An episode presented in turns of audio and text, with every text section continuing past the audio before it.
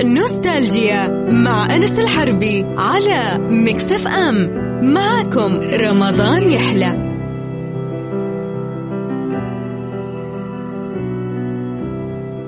ويسعد مساكم وأهلا وسهلا فيكم في نوستالجيا. معكم أنا أخوكم أنس الحربي.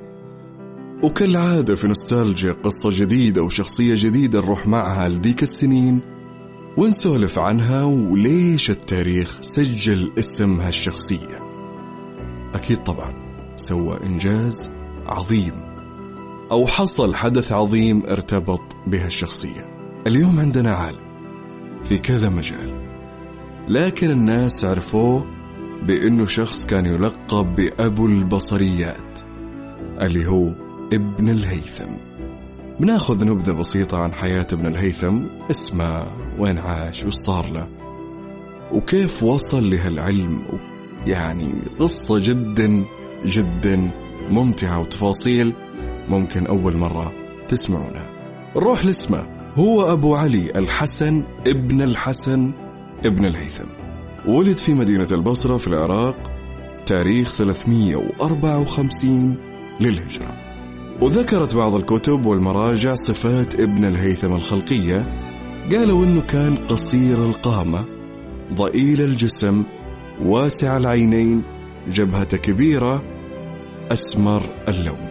كان الحسن والد الحسن ابن الهيثم من أغنياء البصرة فكانت طلبات ابن الهيثم كلها مجابة.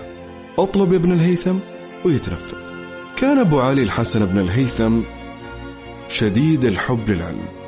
أبو علي ترى بتسمعون كثير في القصة فهو نفسه ابن الهيثم لكن هذا كان لقب له نكمل. كان محب للعلم يعني بشكل ما هو طبيعي. زي اللي يقول لك ياكل ورق يحب يحب يقرأ يحب يتعلم. فكان مهتم ابن الهيثم بالرياضيات والطبيعيات والطب والفلك والفلسفة والمنطق. وذكرت مصادر التاريخ أنه حفظ القرآن الكريم وهو في سن الثانية عشرة من العمر. في مسجد من مساجد البصرة في العراق. شب ابن الهيثم على قراءة كتب العلماء اللي سبقوه مثل الرازي وجابر بن حيان والخوارزمي وغيرها من العلماء. فهنا جاء الإحساس إنه يبي يفهم أكثر هالكتب. فايش سوى؟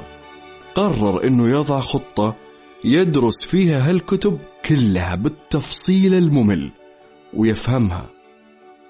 خطوة خطوة سطر سطر يفهم كل هالكتب. فأخذ يدرس فيها ويدرس يدرس يعني زي اللي يقول مثلا الورقة بدل ما يأخذ فيها مثلا آه، ساعة يأخذ فيها أكثر. يعني ممكن يأخذ فيها مثلا يوم كامل يحللها ويفهمها زين.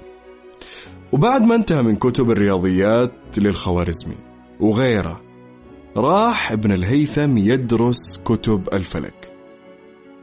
بعد ما حلل كتب الفلك كلها اتجه إلى دراسة كتب الفلسفة إلين فهمها كلها.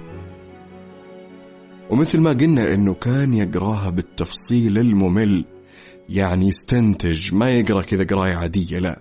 يدرس يدرس ويكتب ملاحظات ويلخص أهم ما قراه في هالكتب. كان ابن الهيثم يعمل كاتب حسابات في ديوان الحسابات في البصرة. كان محاسب سريع جدا وماهر. وكان أيضا بالإضافة إلى أنه كاتب حسابات كان يشتغل مهندس. يجيله جميع الناس من أنحاء البصرة عشان يسوي لهم تصميمات لبيوتهم وينفذها البنايين سمع أمير البصرة بمهارة ابن الهيثم في الهندسة فطلب منه أنه يجي عشان يبني له قصر جديد في البصرة. فقال ابن الهيثم للأمير يا أيها الأمير أنا أضع التصاميم فقط ثم يأتي بعد ذلك دور البنائين في البناء. فأصر الأمير على أنه يشرف ابن الهيثم على كل البناء. فقال ابن الهيثم أيها الأمير ما تريد مني فعله؟ هو من عمل طلبة المال والمنصب وأنا مهندس عالم أعيش بعقلي وماني مهتم بطلب المال. أو منصب. ف يعني لا تحطني يعني أنا إيش اللي بقعد أشتغل مع العمال؟ أنا إنسان عالم وإذا إنك ما أنت فاهم هذه مشكلتك. فثار الأمير على ابن الهيثم واتهمه بالغرور والغطرسة ومن يعني اتهامات يا كثرها وقال له والله لو ما جيت يا ابن الهيثم وسويت اللي قلت لك عليه لا أوريك.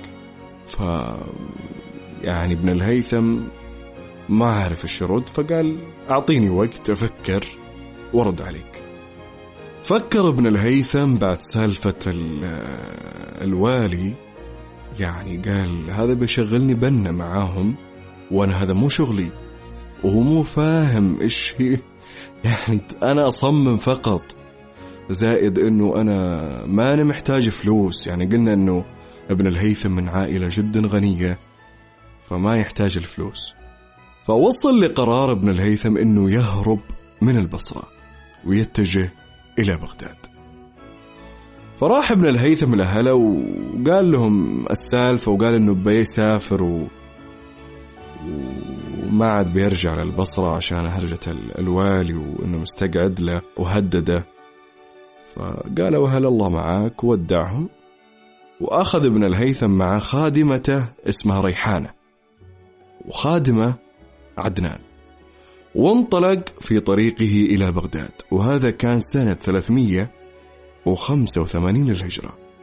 وكان ابن الهيثم عمره ذاك الوقت حوالي الثلاثين سنة. نروح الفاصل ونرجع نكمل معكم قصة أبو البصريات ابن الهيثم. خليكم ويانا. نوستالجيا مع أنس الحربي على مكسف أم. معكم رمضان يحلى.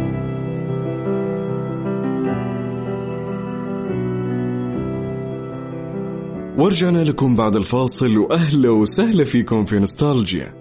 قصتنا اليوم قلنا أبو البصريات العالم العظيم ابن الهيثم. قلنا ان ابن الهيثم يعني تعمق في جميع كتب العلماء اللي سبقوه وحللها وجلس عليها واستنتج منها ولخص بعض الكتب وأخذ أهم النقاط اللي فيها. وبعد فترة اشتغل في الحسابات بعدين صار مهندس وصار يصمم للبيوت ويرسلها للبنايين عشان يبنون هالتصاميم. في يوم من الأيام قلنا إنه جاء آه، والي البصرة وقال له أبيك تصمم لي قصر جديد وفوق ما تصمم تجلس مع العمال تشرف عليهم وتبني معهم هالتصميم. لكن ابن الهيثم قال أنا مهندس يعني أنا ماني بنا. وأنا إنسان يعني ماني طالب منصب ولا إني طالب بفلوس عشان أقعد أمرمط نفسي في بنا وغيره. فقلنا إنه ثار والي البصرة عليه واتهمه بالغرور وأدى كلام وهدده وقال له خذ فترة وارجع رد عليه. فقال له بفكر. لكن ابن الهيثم قرر إنه يهرب من البصرة ويتجه إلى بغداد. فمن هرب شال معه خادمته اللي اسمها ريحانة وخادمة اللي اسمه عدنان. وابن الهيثم ألف بعض الكتب منه كان متواجد في البصرة قبل لا ينتقل البغداد. منها كتاب اللي هو اسمه الهيئة وهو كتاب في علم الفلك. من وصل ابن الهيثم بغداد استأجر بيت في بغداد. ومن استقر هناك أكمل دراسة الطب وأخذ رخصة طبية تسمح له بمزاولة مهنة الطب. فبدأ بعدها عمله بنسخ الكتب للوراقين نهارا وفي الليل يفرغ نفسه للدراسة العلمية يعني جمع علوم كثير جدا. يعني إحنا الآن في الزمن هذا يلا الواحد يمسك له مسار وتخصص ويشتغل على نفسه فيه. ويبدع. لا زمان يعني كان العلم عندهم يعني كل شيء كل شيء. ادرس فلك ادرس رياضيات ادرس هندسة. يعني صار مهندس ويصمم. اهتم بالفلك وألف فيه كتب. والآن دخل في مجال الطب وصار طبيب وأخذ رخصة المهنة لمزاولة الطب في ذاك الوقت. فمن استقر في بغداد يعني تخيل ابن الهيثم إن خلاص يعني عيون الوالي اللي في البصرة يعني راحت أنا ما عاد بيدورون عليه. إلا أنه ما قعد وقت طويل حتى علم أمير البصرة أنه موجود في بغداد. فراح حرض والي البصرة المتشددين والمتعصبين على ابن الهيثم. وبعدها لاحظ ابن الهيثم أن في مضايقات كثير قاعد تحصل له. كلهم مرسولين من الوالي. اتهموه وقذفوه بالكلام وأنت كافر ومن هالكلام؟ وهذا كله من تحريض والي البصرة. فابن الهيثم هنا خلاص طفش يعني. قال ما عاد بها عيشة في بغداد. فنوى إنه يروح أو يسافر إلى الشام. فجهز عفشة ومع الخدم اللي هم ريحانه وعدنان وانطلق إلى الشام. إلين وصل الشام ومن وصل اشترى في الشام بيت واسع جدا. وبعد ما استقر في الشام واشترى له بساتين وقصر هناك وضبط وضعه واستقر فيها لاحظ أمير من أمراء الشام ابن الهيثم. وعرفه من شكله لأن ابن الهيثم كان في ناس رسموه فوصلت أخبار ابن الهيثم للأمير وعرف أنه هذا ما هو بشخص عادي فاستدعى إلى القصر. ذهب ابن الهيثم إلى قصر هالأمير ودهش عندما رأى مكتبة ضخمة في القصر. كان في هالمكتبة كثير كتب من جميع المواضيع ومن جميع التخصصات. فمن شاف الأمير يعني دهشة ابن الهيثم فقال له لقد لاحظت مدى دهشتك وشغفك لقراءة هذه الكتب. باين عليك إنك ودك تقتحم هالمكتبة. فأنا يا ابن الهيثم أرحب فيك في أي وقت. أي وقت تبي. المكتبة بين يدينك وبعد أبيك تلتقي بعلماء الشام وتستفيد منهم وتفيدهم.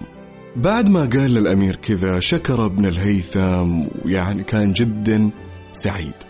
فصار ابن الهيثم طول الوقت يتردد على هالمكتبة يروح يقرأ فيها ويأخذ بعض الكتب ويلتقي بعلماء الشام ويناقشهم وكان يبهرهم بفكرة وآراءه.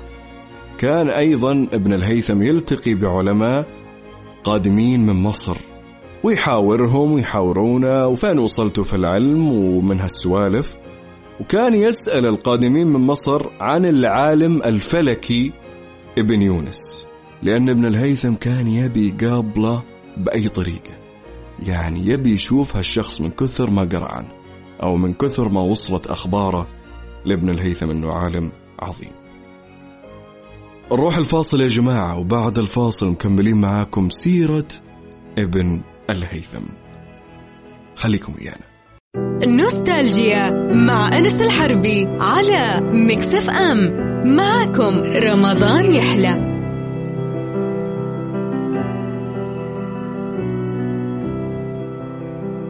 ورجعنا لكم بعد الفاصل وأهلا وسهلا فيكم في نوستالجيا. قصتنا لليوم قصة أبو البصريات ابن الهيثم.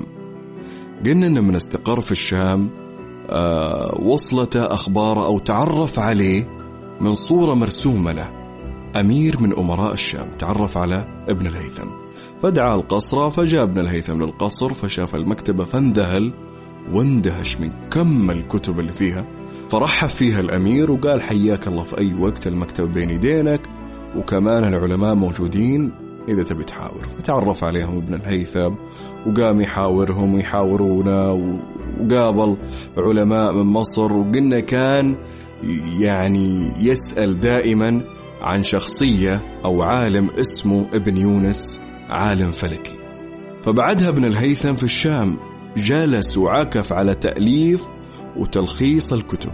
وكان أمير الشام يأخذ كل كتاب من كتب ابن الهيثم ويضعها في مكتبته وينسخها فأمر أمير الشام بصرف راتب لابن الهيثم. فأبى ابن الهيثم أنه يأخذ الراتب. هذا شيء أسويه لنفسي وأنا ماني محتاج يا طويل العمر. لكن أمير الشام أصر. وبعد إصرار وإلحاح من هالأمير أخذ ابن الهيثم ما يكفيه ليومه. أنا عندي الحمد لله خير وزود لكن ما بردك وننتقل إلى دولة مصر. مصر في ذاك الوقت أصابها جفاف أو أصاب نهر النيل الجفاف. فجفت الأراضي وبدأ أهل مصر يحفرون الآبار ويشربون منها. إلين مرت السنة الأولى على الجفاف ومع بداية السنة الثانية على هالجفاف فضيت الآبار اللي حفروها في مصر يعني ما عاد فيها ماء. فطلب خليفة مصر اللي هو اسم الحاكم بأمر الله الماء من الدول المجاورة فكل الدول لبت هالنداء. وطالت سنوات الجفاف في مصر حتى دخلت في السنة الرابعة. وكان وقتها الزرع مات ويعني ما عاد في زراعة. ورمال الصحراء يعني غزت الأراضي. يعني من كثر الجفاف ما عاد في شيء. والناس ماتت وال والحيوانات بالآلاف ماتوا. وفي صباح يوم من الأيام امتلت القاهرة والمدن المجاورة لها بالفرح والصراخ والتهليل برجوع الماء لنهر النيل. وكان ذلك انتهاء مرحلة الجفاف في ذلك الوقت. وفي يوم من الأيام جلس ابن الهيثم يفكر بحل لمشكلة هالجفاف في مصر. فخطرت في باله فكرة إنه ينشئ سد تجمع فيه المياه مثل هالأوقات اللي يحصل فيها جفاف. فعرض الفكرة على أمير الشام وكان يجلس معهم أبو الحسن الشابشتي وهو كان الشخص المسؤول بمكتبة دار العلم بالقاهرة. فقال ابن الهيثم لو إني كنت بمصر لعملت بنيلها عملا يدر في كل حالاته نفعا فقد بلغني أنه ينحدر من موضع عال. فنقل أبو الحسن الشابشتي ذلك إلى الخليفة الحاكم بأمر الله في مصر ففرح الخليفة باللي سمعه وبعث الهدايا والأموال إلى ابن الهيثم عشان يجيه لمصر فاستجاب ابن الهيثم لطلب الخليفة وكان قد بلغ من العمر 63 سنة. ولما وصل القاهرة حصل الخليفة الحاكم بأمر الله ومعه جموع أو ناس كثير من العلماء يستقبلونه ففرحوا بقدومه كثيرا. جلس ابن الهيثم أو أقام في القاهرة عدة أيام يستريح منها من عناء السفر. بعد هالأيام اللي ارتاح فيها راح ابن الهيثم إلى ضفاف شلال جنوبي أسوان. لأن قالوا له أنه ينحدر من مكان عالي فوجد بعد حسابات مطولة أنه كان على خطأ. فراح لم عدته وعاد إلى القاهرة ودخل على الحاكم بأمر الله اللي هو حاكم مصر وأخبره بفشله بالقيام بما قاله واعتذر منه. فتظاهر الحكم بأمر الله يعني بقبول عذر ابن الهيثم وطالب الخليفة من رجاله إيجاد منصب له في ديوان من الدواوين وكان ابن الهيثم يريد الاعتذار عن قبول المنصب لكنه خاف من بطش هالخليفة فيه. فراح ابن الهيثم ووافق. قام يمارس وظيفته الجديدة وتحسر أنه ليه ما جلست في الشام واستكملت بحوثي العلمية إلين تأكدت بعدين جيته. وفي يوم من الأيام جلس ابن الهيثم يفكر في العمل اللي ابتلش فيه ذا. وش أسوي عشان أنفك من هالعمل؟ فجات ببالة فكرة وهي أنه يتظاهر بالجنون عشان يعزله الخليفة من منصبه. وفعلا ابن الهيثم قام يتظاهر بالجنون. يعني سوى إنه مجنون ما عقله ما هو معه.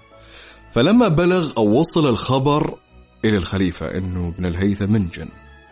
فعزله الخليفة في منزله وأعفاه من هالمنصب وهالعمل وحط على بيته حارسين. وجالس ابن الهيثم يسوي مهام اللي يحبها اللي هي القراءة وتأليف الكتب. وجالس يسوي هالأشياء بدس متخفي عشان ما يدري الخليفة إنه يدعي الجنون. وكان خادمه عدنان يجي لابن الهيثم بالكتب اللي يبيها. وكان أقرب أصحاب ابن الهيثم يعرفون إنه مسوي هالشيء أو إنه مدعي الجنون عشان يبتعد عن هالملك. ومن بين هالأصحاب اللي يعرف إنه يدعي الجنون صديقه أبو الحسن الشابشتي وشقيقة الخليفة اللي اسمها ست الملك ولكنها أخفت ذلك عن الخليفة خوفا من أن الخليفة يقوم بقتل ابن الهيثم. وجالس ابن الهيثم يدعي الجنون حتى قتل الخليفة في منزله عام 411 للهجرة بعدها ابن الهيثم قال خلاص ما له داعي إني أتظاهر بالجنون فاتجه إلى جامع الأزهر يعاود نشاطه العلمي. بعد وفاة الخليفة أو مقتله استدعت ست الملك ابن الهيثم وعرضت عليه راتب شهري وضمته إلى مجلس العلماء بدار العلم في القاهرة لكنه اعتذر منها. ما أبي. مناصب. ورجع إلى نسخ الكتب. وكسب عيشه منها. أتى أحد طلاب العلم يدعى مبشر بن فاتك القائد. وطلب من ابن الهيثم أنه يدرس على يده. فوافق ابن الهيثم وبعدها بمدة أتى إليه ابن أمير من أمراء الشام. وطلب من ابن الهيثم أن يضمه إلى طلابه. فطلب منه ابن الهيثم 75 دينار في كل شهر مقابل تعليمه لمدة ثلاث سنوات. وبعد انقضاء ثلاث سنوات كان هالأمير الصغير يعني فهم أشياء جدا كثير وتعلم وحفظ أشياء جدا كثيرة على يد ابن الهيثم. وتفاجأ الأمير من شاف ابن الهيثم أنه جمع كل هالمال اللي كان يعطيه إياه الأمير وأرجعه له وقال له ابن الهيثم هذه دنانيرك احتفظت بها لك فخذها يا بني فلا أجرة في العلم وما طلبتها منك إلا اختبارا لمدى رغبتك في العلم. أنشغل ابن الهيثم في بقية سنين عمره بدراسة ظواهر علم الضوء والبصريات ودرس تشريح العين وأعطى الأجزاءها مسميات ما زالت باقية حتى يومنا هذا. حتى أنجز أعظم كتاب في علم البصريات اللي اسمه المناظر.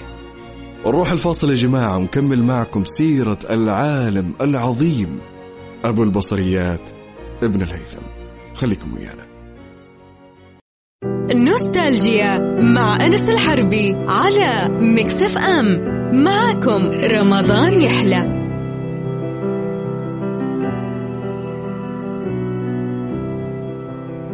ورجعنا لكم بعد الفاصل وأهلا وسهلا فيكم في نوستالجيا. اليوم بطل قصتنا هو شخصية عظيمة يطلق عليها أبو البصريات اللي هو ابن الهيثم. يعني عالم تخصص في كذا شيء أو أتقن أو أدرك أو تعلم. الطب والفلك والهندسة والفيزياء والرياضيات والتاريخ ركز معاه على علم البصريات قلنا أنه درس تشريح العين وأعطى لأجزائها مسميات ما زالت باقية حتى يومنا هذا في كتاب اسمه المناظر. كتاب المناظر هو كتاب من سبع مجلدات في مجال البصريات الفيزياء والرياضيات وعلم النفس ألفها العالم ابن الهيثم في مصر. متى ألفها؟ وهو تحت الإقامة الجبرية منه كان يدعي الجنون وهو أهم كتاب في تاريخ تطور البصريات إلى يومنا هذا. أصبح كتاب المناظر مرجع مهم لجميع من يريد التخصص في البصريات. الروح المؤلفات ابن الهيثم. ابن الهيثم له كثير من الكتب. من بينها كتب في الرياضيات. منها كتب ابن الهيثم في أبحاث الهندسة وهي الهندسة المستوية والهندسة الفراغية وكتب بحوث في المعادلات التكعيبية بواسطة القطاعات في الأجسام المخروطية وغيرها من هالمصطلحات. وكمان هو أول من وضع قوانين لإيجاد مساحة الكرة والهرم والإسطوانة المائلة.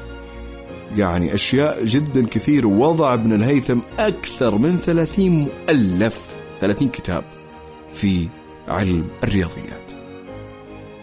أما في الفلك فألف ما يقارب 25 كتاب وبعد استطاع أنه يبتكر طريقة جديدة لتعيين ارتفاع القطب أو خطوط العرض للأماكن بشكل دقيق جدا. كمان استطاع أنه يبسط تصور سير الكواكب في الفضاء. نروح لتخصصه الآخر الفلسفة وضع عدة مؤلفات وكان يحب فلسفة شخص اسمه أرسطو. انطلق منها ودرسها دراسة عميقة وألف كثير من الأشياء في الفلسفة. وبعد راح للميكانيكا وفي علم الضوء. كتب أعظم كتاب اللي قلناه هو المناظر وتمت ترجمة يا جماعة الخير هالكتاب في مدينة لشبونة قبل 500 سنة ودرس جميع العلماء الغربيين هالنسخ واستفادوا منها وما تزال مكتبة الفاتيكان تحتفظ بنسخة من هالترجمة. توفي ابن الهيثم بعد ما عاش 74 سنة في عام 430 للهجرة في القاهرة. كذا عاش ابن الهيثم. حياة كلها مليانة أبحاث واكتشافات وعلم وتطوير للقوانين والنظريات والأشياء. عشان كذا سجلت هالشخصية العظيمة من قبل ألف سنة إلى يومنا هذا. سجلت نفسها بالتاريخ بسبب الإنجازات والأعمال اللي استفادت منها البشرية من بعده. ومن مات رحمة الله عليه الناس قامت تردد مقولة قالها. قال واشتهيت إيثار الحق وطلب العلم واستقر عندي أنه ليس ينال الناس من الدنيا أشياء أجود ولا أشد قربة إلى الله من هذين الأمرين. وفخورين كل هالأسماء كل تاريخنا اللي اجتهد وطور وعمل عشان نصل لهالتطور اللي وصلنا له في يومنا هذا. أنا إلى هنا. انتهيت. أشوفكم إن شاء الله الحلقة القادمة من نوستالجيا وشخصية تاريخية جديدة. نستمتع وإحنا نسمع. نستمتع وإحنا نروي. ومن ليس له ماضي ليس له حاضر أو مستقبل. دمتم بخير وصوم مقبول وإفطارا شهيا. في أمان الله.